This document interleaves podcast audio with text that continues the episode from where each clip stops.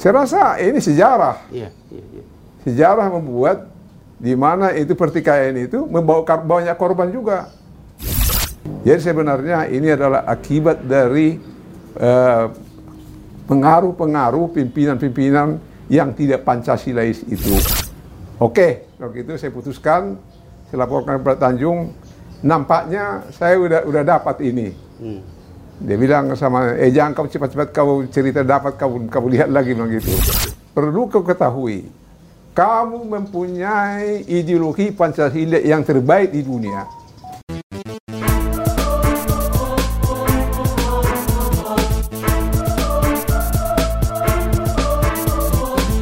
Tentara rakyat, tentara pejuang, tentara nasional, tentara profesional. Salam prajurit, salam merah putih. Welcome to podcast Puspen TNI. Terima kasih Anda masih menyaksikan channel podcast Puspen TNI. Tidak lupa saya menyapa Sobat TNI di mana pun berada dan bertugas yang saat ini masih selalu setia menjaga keutuhan negara kesatuan Republik Indonesia. Dan saya mendoakan semoga Sobat TNI tetap sehat dan selalu dalam lindungan Tuhan Yang Maha Kuasa. Sobat TNI, pada podcast kali ini saya akan berbincang-bincang dengan sosok prajurit TNI lulusan Akademi Militer Nasional pada tahun 1963 yang telah menorehkan sejarah penting bagi dunia militer Indonesia. Sang prajurit profesional, sang prajurit tempur yang hingga saat ini memiliki jiwa patriot sejati. Beliau adalah Letnan Jenderal Purnawirawan Sintong Panjaitan. Selamat siang, Bapak. Ya, saya juga mengucapkan sa- salam prajurit, salam Oke. merah putih juga. Oke, salam prajurit Bapak luar biasa. Jiwa patriot Bapak hingga saat ini masih kental dalam jiwa Bapak. Apa kabar Bapak hari ini? Baik, Sehat ya? sehat. Pak Sintong, kita akan berbicara di acara podcast ini yang tentunya bincang-bincang kita santai, tapi juga mengandung makna yang begitu dalam. Ah, saya lanjut aja pada peristiwa yang pernah saya baca dalam biografi Pak Sintong. Pada waktu itu, sebelum terjadinya peristiwa G30S, ah, bisa nggak ya Bapak menceritakan waktu itu kalau tidak salah Bapak akan diterjunkan ke Kucing, Sarawak, Malaysia. Silakan Bapak. Baik, terima kasih. Ini sebenarnya adalah suatu kesungguhan dari pemerintah untuk menunjukkan bahwa kita tidak setuju dengan negara Malaysia itu. Jadi yang ditunjukkan oleh Indonesia bahwa kita harus mengadakan pertempuran dengan pasukan-pasukan yang terbaik yang siap di Sarawak itu. Jadi yang kita mau lawan itu sebenarnya adalah yang di sana adalah satuan dari dari eh, Inggris. Maka oleh karena itu kami diperintahkan untuk mempersiapkan serbuan ke Malaysia, eh ke ke, ke Sarawak di dalam rapat di Istana Negara di mana ditanya kepada Pak Jani apakah pasukan RPKD bisa diterjunkan di Malaysia di Malaya.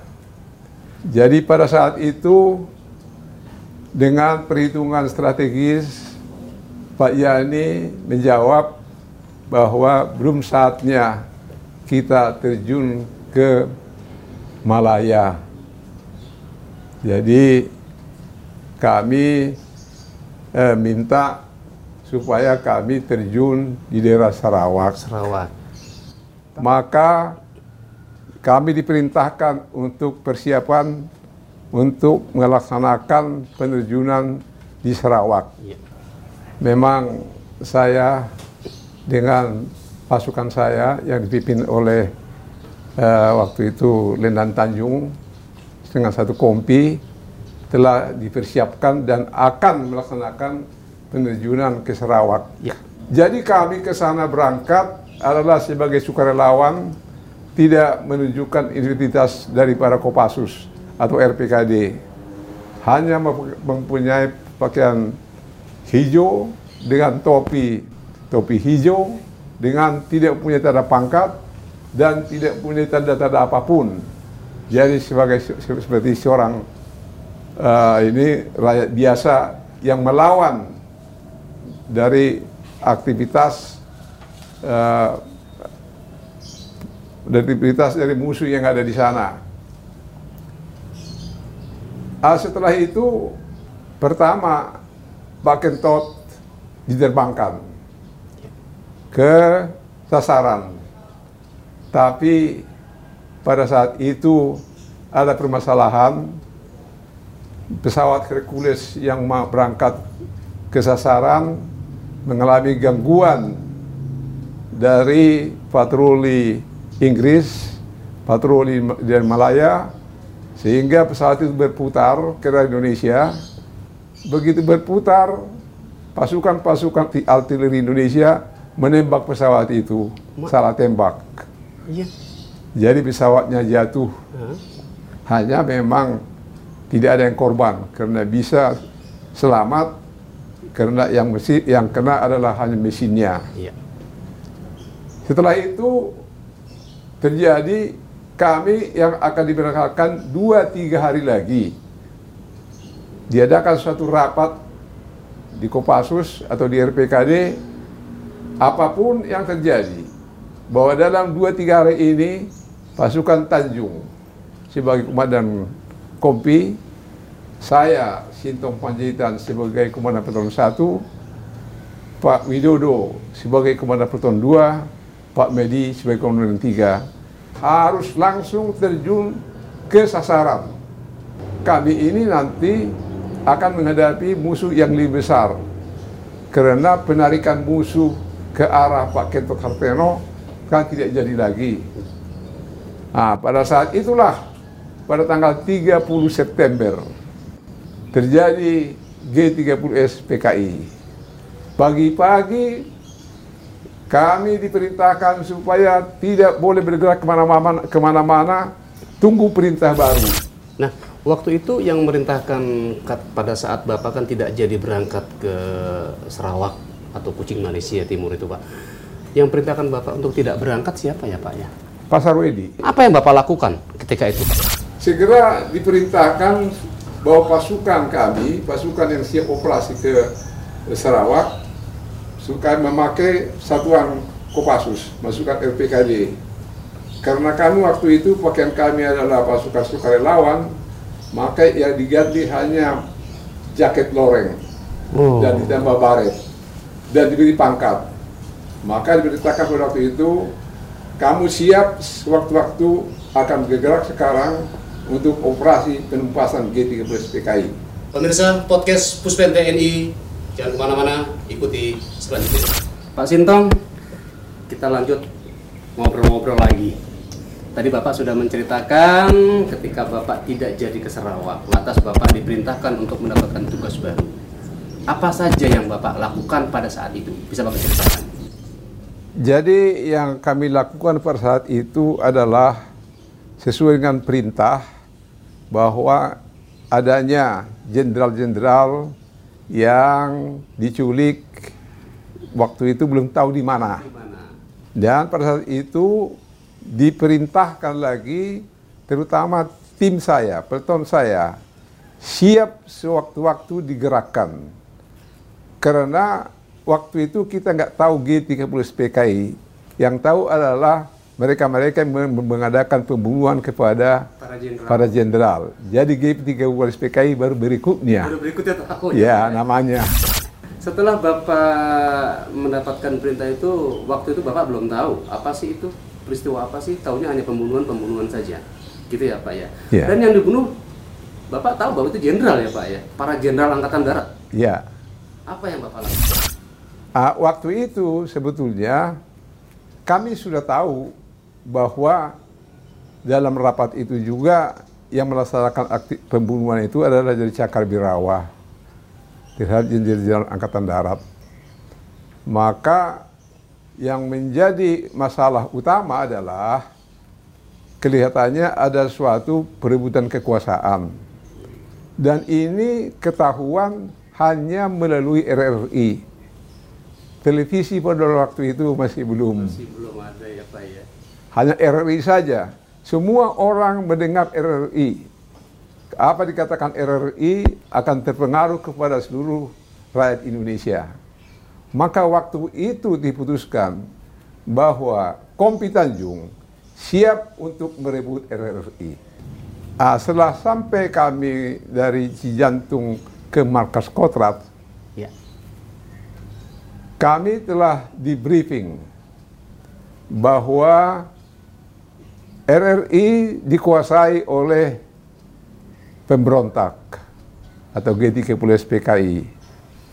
Maka dengan segera harus mengamankan, harus menangkap siapa pun yang bisa melawan dari operasi ini.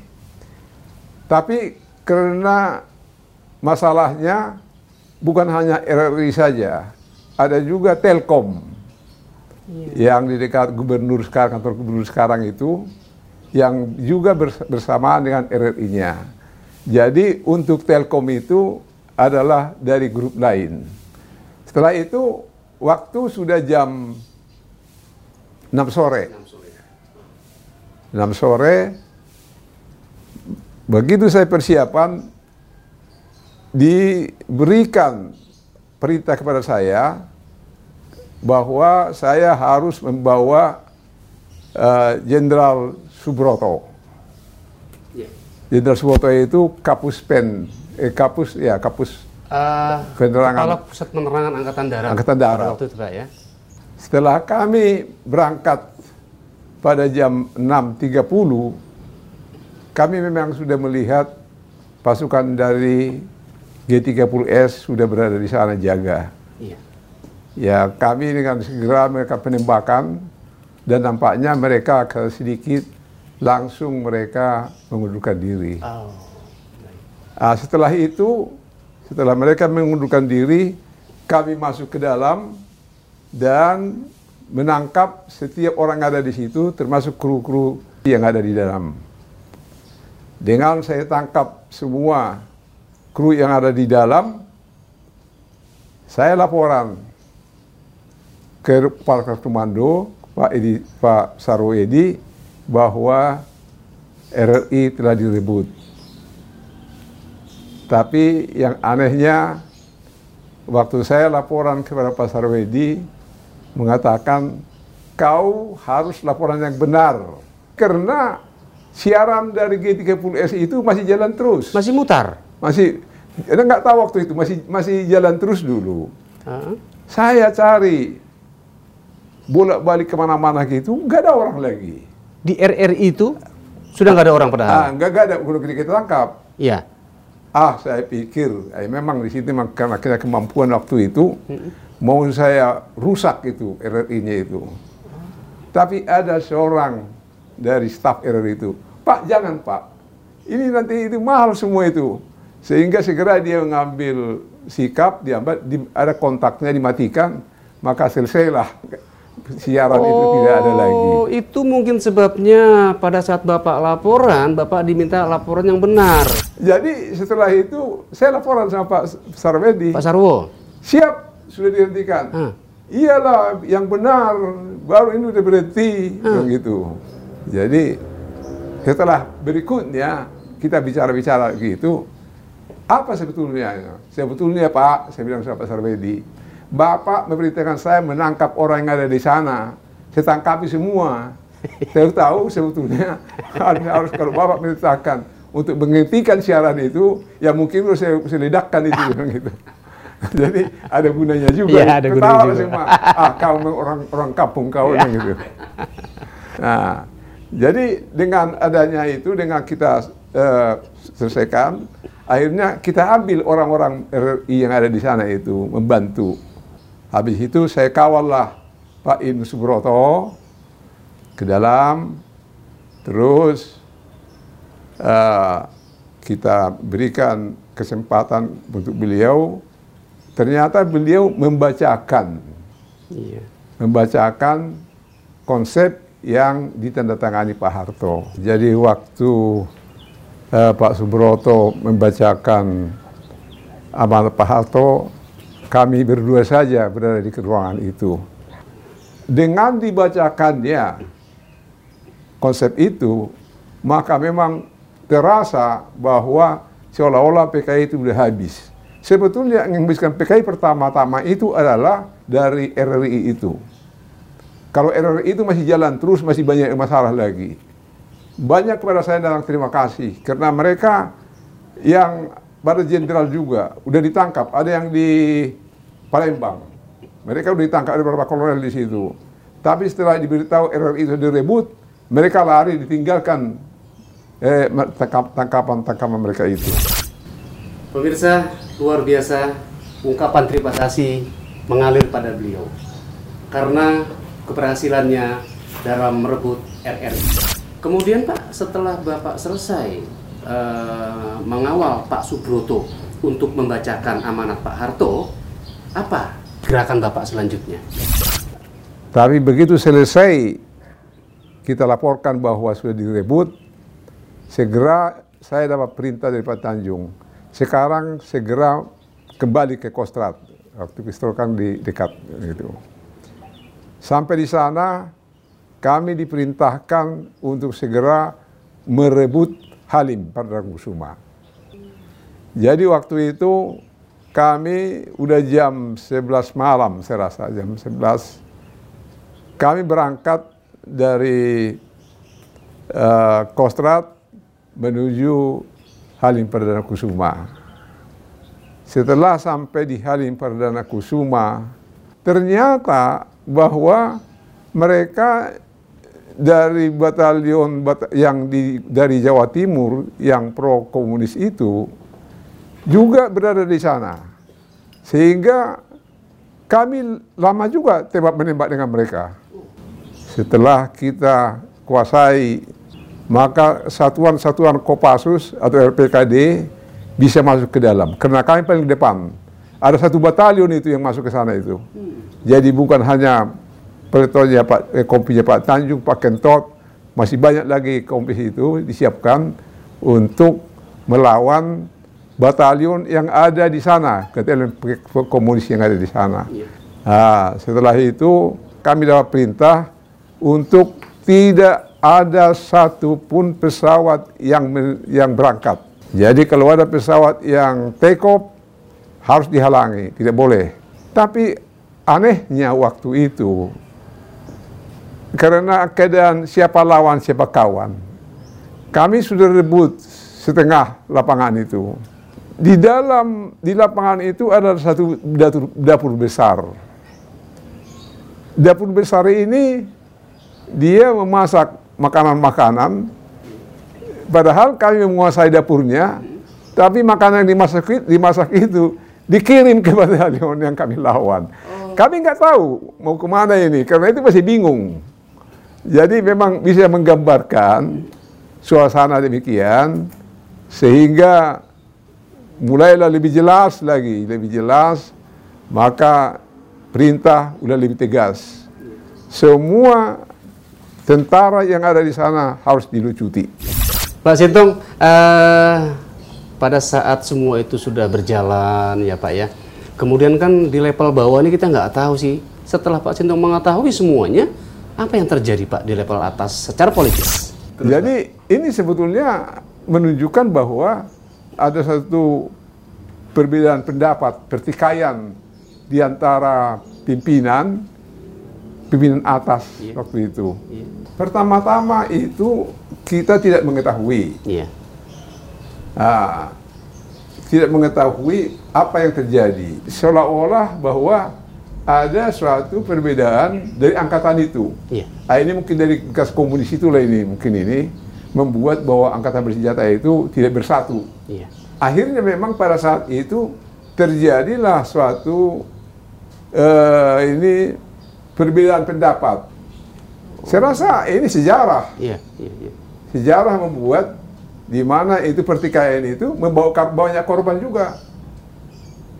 Jadi baik di pihak sana di pihak sini. Oh. Nah, ini lama-lama diperbaiki sehingga bisa kita berjalan sekarang ini.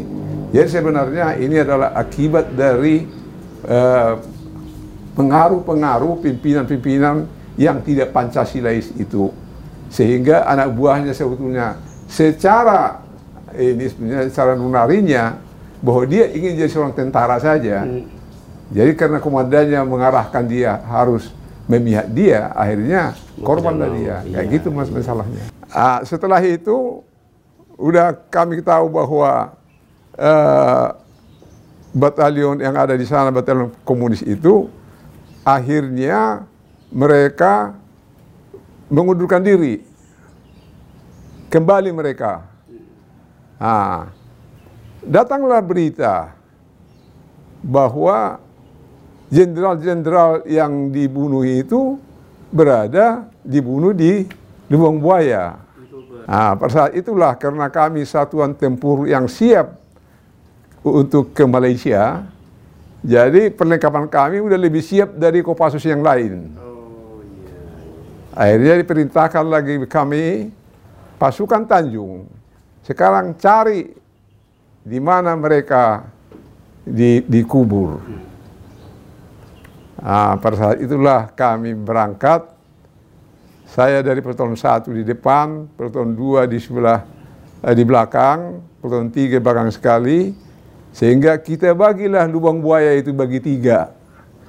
Saya dapat paling kanan yang ada sekarang itu kalau kita bergerak dari arah uh, ini uh, dari arah hal ini itu saya dapat bergerak ke sana.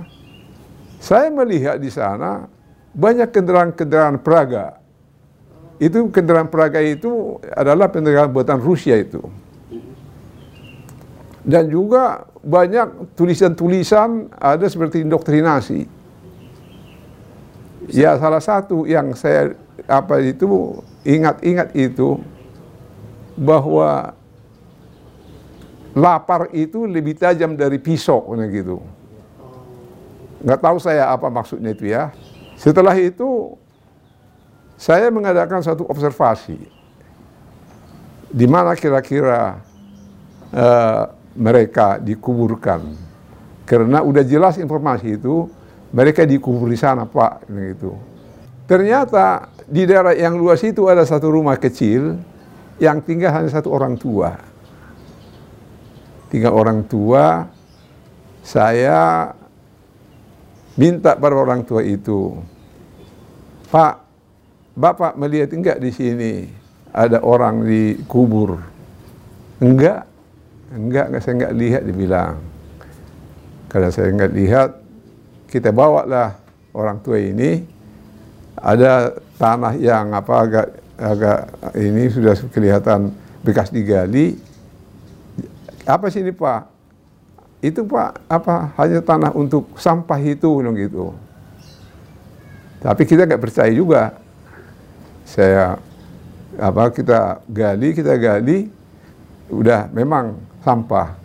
Jadi tadinya itu memang apa bukan tempat sampah. Jadi ini sudah mereka buat sebetulnya itu.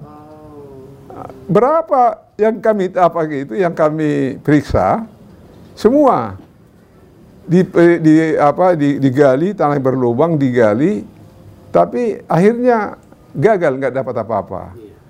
Akhirnya saya panggil orang tua itu lagi. Ini apa ini Pak? Oh iya, ini sumur dulu ini. Begitu Bapak disampaikan oleh seseorang tersebut bahwa ini bekas sumur, apa ya. yang Bapak lakukan pada waktu itu? Ah, di situlah saya jadi curiga. Mm -hmm. Itu pasti di sini. Karena saya tanya beliau itu bahwa ini dulu bekas sumur, sumur tua. Nah, setelah itu saya perintahkan anak buah saya untuk membongkar sumur itu, membuka. Jadi memang di atasnya itu selalu juga rumput-rumput apa yang daun-daun yang kering. Daun-daun kering. Tapi tidak seberapa dalam sudah kelihatan tanah tanah baru. Baik, baik. Oke, kalau gitu saya putuskan, saya laporkan kepada Tanjung, nampaknya saya udah udah dapat ini. Hmm. Dia bilang sama, eh jangan kau cepat-cepat kau cerita dapat kau kau lihat lagi bilang gitu. Selalu kita akan dengan Pak Tanjung ini selalu apa? Berguyon-guyon ya, ya. Berguyon. Oke. Dia lah bang nanti, saya bilang. Jadi kita gali lah itu. Kita gali sudah jam kira-kira jam 12 si- siang. Terus kita gali gantian sampai akhirnya kita coba cari ini yang penggali makam Oh iya iya. membantu. Untuk membantu Ya, membantu sumur karena itu. ini karena prajurit ini kan jarang gali-gali seperti itu. Iya. Ah, lebih pintar dia. Digali, digali, digali. Sorenya kira-kira jam 4 itu terus sudah ke, apa ada bau. Tapi belum dapat ininya, belum kelihatan belum terlihat mayatnya. bangkainya belum terlihat. Oh, jadi sudah ini setelah laporan Pak Tanjung, ini udah ada bang ini. Ini udah apa aja itu udah bau dia ada bangkai di sini. Oke, segeralah eh, gali. Nah, setelah kita gali, eh, yang menggali pingsan karena eh, apanya itu buah bangkai itu udah terlalu banyak mungkin, akhirnya ditarik ke atas. Ah, di sinilah saya mulai berpikir, kalau kita mas apa menggali ini dengan tanpa alat, tanpa ini alat untuk pernapasan, pasti kita nggak bisa. Iya. Akhirnya saya panggil dari inisiatif saya sendiri, Iya. saya panggil anak buah saya namanya Nanang. Nanang ini adalah lulusan dari Scuba di Surabaya. Jadi kalau Kopassus itu selalu mengirim ke Surabaya ke KKO di sekolah KKO untuk jurusan untuk selam menyelam itu. Untuk ambil spesialisasi Ah. selam. Jadi saya bilang sama Anang, Anang, coba dulu. Karena dia Anang ini dari Batu Jajar. Hubungi Batu Jajar, minta tangki alat-alat scuba. Nah, dijawab di sana, Pak, nggak di sini tempatnya. Tempatnya itu di Cilacap. Karena semua latihan laut itu di Cilacap, di Kopassus. Jadi kalau di apa di Bandung itu untuk latihan darat, kalau latihan laut itu di Cilacap. Akhirnya dihubungi Cilacap. Cilacap mereka nggak siap karena sudah lama nggak dipakai. Jadi nggak bisa diberikan. Habis itu saya berpikir lagi.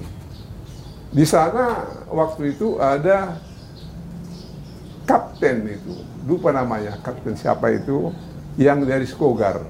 Dari Skogar saya beritahu sama beliau, Cap, tolong dulu pinjam waktu itu.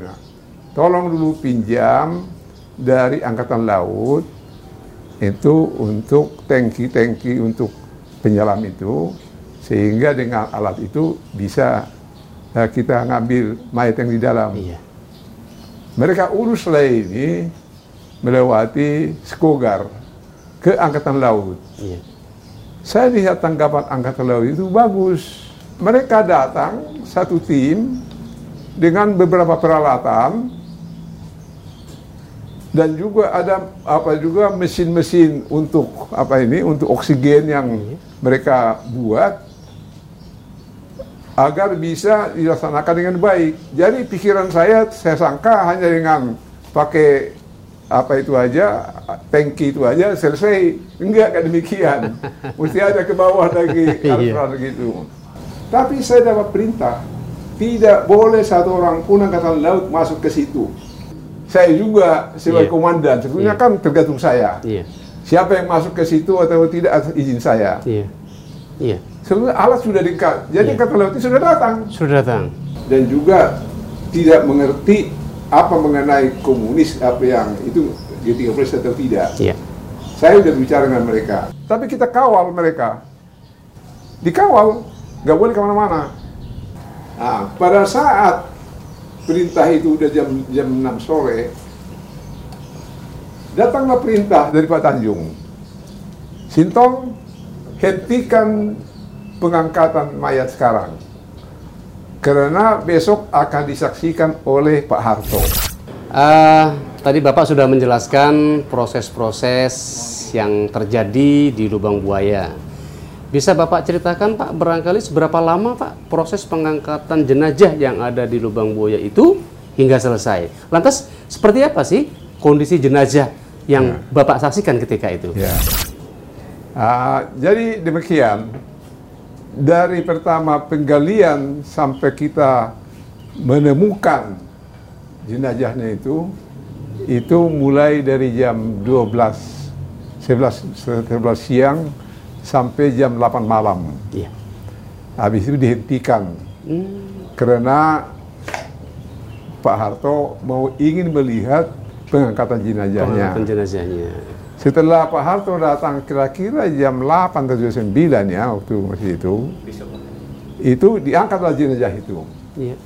Angkatan laut inilah sebetulnya yang berperan untuk mengangkat, mengangkat dengan alat-alat mereka. Iya. Satu dari kita ada seorang juga anak itu ikut. Ikut ke dalam. Nah ikut.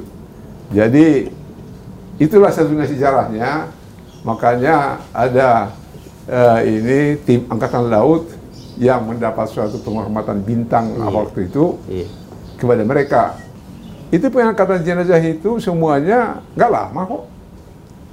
Satu dua jam sudah selesai semua. Hmm. Karena tinggal mem, apa tali diikat dengan tali diangkat ke atas. Iya, baik. Hanya memang kita nggak tahu orang-orangnya karena udah gembung-gembung semua. Udah bengkak-bengkak ya, nah, ya Pak Baru nanti ya? di otopsi yang ketan darat. Oh iya. Baru siapa dia siapa dia. Baik, Jadi baik. kalau ada orang mengatakan nomor satu sih, nomor dua, tiga, nomor tiga ini, saya sendiri yang sebagai komandan untuk daerah itu, saya tidak bisa mengatakan demikian. Oh, baik, baik. Hanya kelit hampir sama itu karena apa semua karena karena uh, kondisinya sudah membengkak semua ya Pak yeah, Sintong ya. Yeah. Sehingga Bapak nggak bisa mengenali. Yeah, Diketahui mengenali. setelah diotopsi di yeah. RSPAD. Baik, Pak Sintong, uh, barangkali ada tugas-tugas Pak Sintong lain setelah prosesi penyelesaian yang ada di lubang buaya? Kira-kira ada tugas lain yang bisa Bapak ceritakan? Ah, tugas lain setelah kita melaksanakan operasi lubang buaya, langsung itu oh. kita dapat perintah untuk bergerak ke Jawa Tengah. Seluruh Jawa Tengah itu diambil alih oleh RPKD. Oh. Karena pada waktu itu Pangdam Suryo Supeno dengan uh, para perwiranya yang banyak pro PKI hmm. sudah menyingkir juga. Hmm. Ah, jadi dengan adanya RPKD ke sana, ya kalau menurut saya itu bahwa RPKD mengambil di Jawa Tengah itu iya. untuk menumpas G30S. Dalam perintah yang eh, diberikan kepada kami waktu itu adalah membersihkan seluruh kodim. Baik. Jika ada PKI di Kudim. Iya. Nah, kedua, waktu saya masuk di Jawa Tengah, saya mendapat di, di, di Solo ada laporan, laporan pembunuhan, laporan pembunuhan di daerah Bengawan Solo. Memang saya melihat di situ, segera kami berangkat ke sana, ada berapa puluh orang yang dibunuh di situ, yang dibunuh PKI. Jadi sebetulnya banyak yang mati dari dari apa sih ini dari orang-orang yang dianggap PKI sebetulnya tidak ada peranan dari tentara untuk membunuh mereka. Oh. Jadi peranan itu rakyat dengan rakyat itu sebetulnya. Oh. Itu serang. Saya paling lama saya di situ, tapi kalau dikatakan berapa uh, tentara yang kau tangkap dengan sama saya, sembilan ratusan. Iya. Tapi berapa rakyat yang kau bunuh, gak pernah saya bunuh satu pun. Hmm. Dengan pasukan saya. Iya, iya, iya. Gak ada. Gak ada ya Pak ya? Jadi kalau orang bilang ABRI ini membunuh rakyat, sampai hari ini, saya nggak tahu siapa itu. Karena saya sendiri pelaksana. Oh. Baik, baik. Tapi memang ada rakyat membunuh rakyat, itu memang betul. Iya kena organisasi. Pak Sinton, berdasarkan pengalaman Bapak menumpas PKI tadi, menurut Bapak sendiri, apakah PKI itu masih ada sampai sekarang? Nah, jadi itulah sebetulnya perlu diluruskan mengenai komunis. Jadi komunis itu sebetulnya menurut pendapat saya udah kapok gitu Indonesia itu. Nggak ada lagi komunis Indonesia. Sekarang mau tanya sama saya, saya dulu, tunjukkanlah 20 komunis Indonesia ini. Saya kasih seminggu. Yang betul-betul mereka komunis. Supaya kita jelas.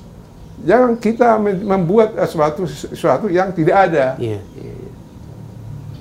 Sebetulnya masalahnya, masalah komunis itu ada dua macam. Komunis sebagai ideologis, iya. tapi anak-anak muda ini kan dia belajar mengenai liberalisme komunisme. Hmm. Apakah yang belajar liberalisme jadi liberal, liberal? Apakah komunisme jadi komunis? Tidak bisa. Ada juga orang yang beragama Kristen mempelajari agama Islam. Ada Islam beragama Islam untuk pengetahuan. Tapi untuk anutan, memang mereka beragama tertentu. Beragama Buddha. Tapi kalau orang Buddha mempelajari Islam, bukan berarti Islam dia. Jadi sama saja. Kalau kita mempelajari komunis, kita bukan komunis. Iya. Nah, jadi sebetulnya tidak perlu saya rasa kita Republik Indonesia ini ber, bertengkar dengan sesuatu yang tidak ada. Saya saya tanggung jawab apa yang saya buat ini. Saya umur 80 tahun sekarang. Kalau saya baca ini surat-surat kabar segala macam itu mengenai komunis ke komunisme, saya merasa bahwa apa maksudnya? Seperti saya katakan tadi, tunjukkanlah sama saya dulu. Enggak usah sejuta. Indonesia 250 juta. Sedikitnya 100 saja komunis, atau 10 aja. Atau lima orang aja komunis ditunjukkan. Ini komunis pak, buktinya mana? Jadi dengan demikian saya rasa tetap kita menghormati pendapat-pendapat orang, tapi janganlah untuk diapakan di disebarkan seolah-olah komunis itu di Indonesia ini sudah ada sudah bergerak. Tidak ada komunis di Indonesia. Jadi kalau orang itu tanya saya. Pak Sintong, sudah banyak yang kita perbincangkan pada hari ini. Rupanya perbincangan kita sangat menarik. Tapi pada pertanyaan terakhir saya, saya ingin Bapak menyampaikan pesan Bapak kepada generasi-generasi muda yang saat ini, Pak. Bisa sampaikan? Baik, jadi pesan saya kepada generasi muda bahwa tunjukkanlah prestasimu. Harus lebih baik kau dari generasi yang lalu. Kamu jangan contoh-contoh dari generasi-generasi yang sekarang ini yang mempunyai itikat-itikat buruk. Tapi yang pertama adalah perlu kau ketahui, kamu mempunyai ideologi Pancasila yang terbaik di dunia. Kalau dalami Pancasila itu, maka setiap orang yang berbeda pendapat, berbeda apa pun di situ, ada tempatnya. Bahkan itu lebih baik daripada yang liberal. Jauh lebih baik dari komunis. Kenapa kita harus melaksanakan perbuatan-perbuatan yang bertentangan dengan itu? Dari si agama juga. Engkau beragama apa pun, juga kau harus memegang Pancasila. Karena agamamu itu tidak dilarang Pancasila. Yang dilarang agamamu itu melarang melawan agama orang lain. Pancasila melarang, menangkalkan seperti itu. Jadi ada satu perdamaian, persatuan. Jadi kita banggalah sebetulnya Indonesia ini mempunyai ideologi Pancasila. Tapi saya agak ragu-ragu kalau sekarang-sekarang ini ada gerakan-gerakan yang seolah-olah Pancasila, tapi tidak benar, tidak pas sesuai dengan Pancasila itu. Jadi itulah saran saya sebagai orang tua yang mana sekarang seperti katakan hari ini atau umur saya sudah 80 tahun lewat dua minggu. Mudah-mudahan Republik ini jadi negara yang bagus, negara yang toleran dan negara yang aman tentram. Nah, inilah saran saya, gak ada yang lain dari situ. Jadi janganlah engkau mencoba membuat sesuatu yang merugikan orang lain. Iya. Bikinlah sesuatu menguntungkan dirimu juga orang lain. Nah inilah manusia-manusia Pancasila itu. Itu harapan saya. Terima kasih. Baik Bapak, terima kasih atas perbincangan kita pada hari ini. Semoga ini semua dapat menambah inspirasi dan wawasan bagi Sobat TNI di mana pun berada dan bertugas. Sobat TNI, sesungguhnya masa purna bakti bukanlah akhir dari pengabdian seorang prajurit kepada bangsa dan negara. Pengabdian seorang prajurit akan terus berlangsung selama hayat di kandung badan. Dan prajurit tidak akan pernah berpulang. Namun prajurit hanya menyisih untuk memberi kesempatan pada generasi berikutnya. Sekian dari saya, sampai ketemu di podcast berikutnya. Jangan lupa like, comment, dan subscribe channel YouTube Puspen TNI. Sampai jumpa dan salam merah putih.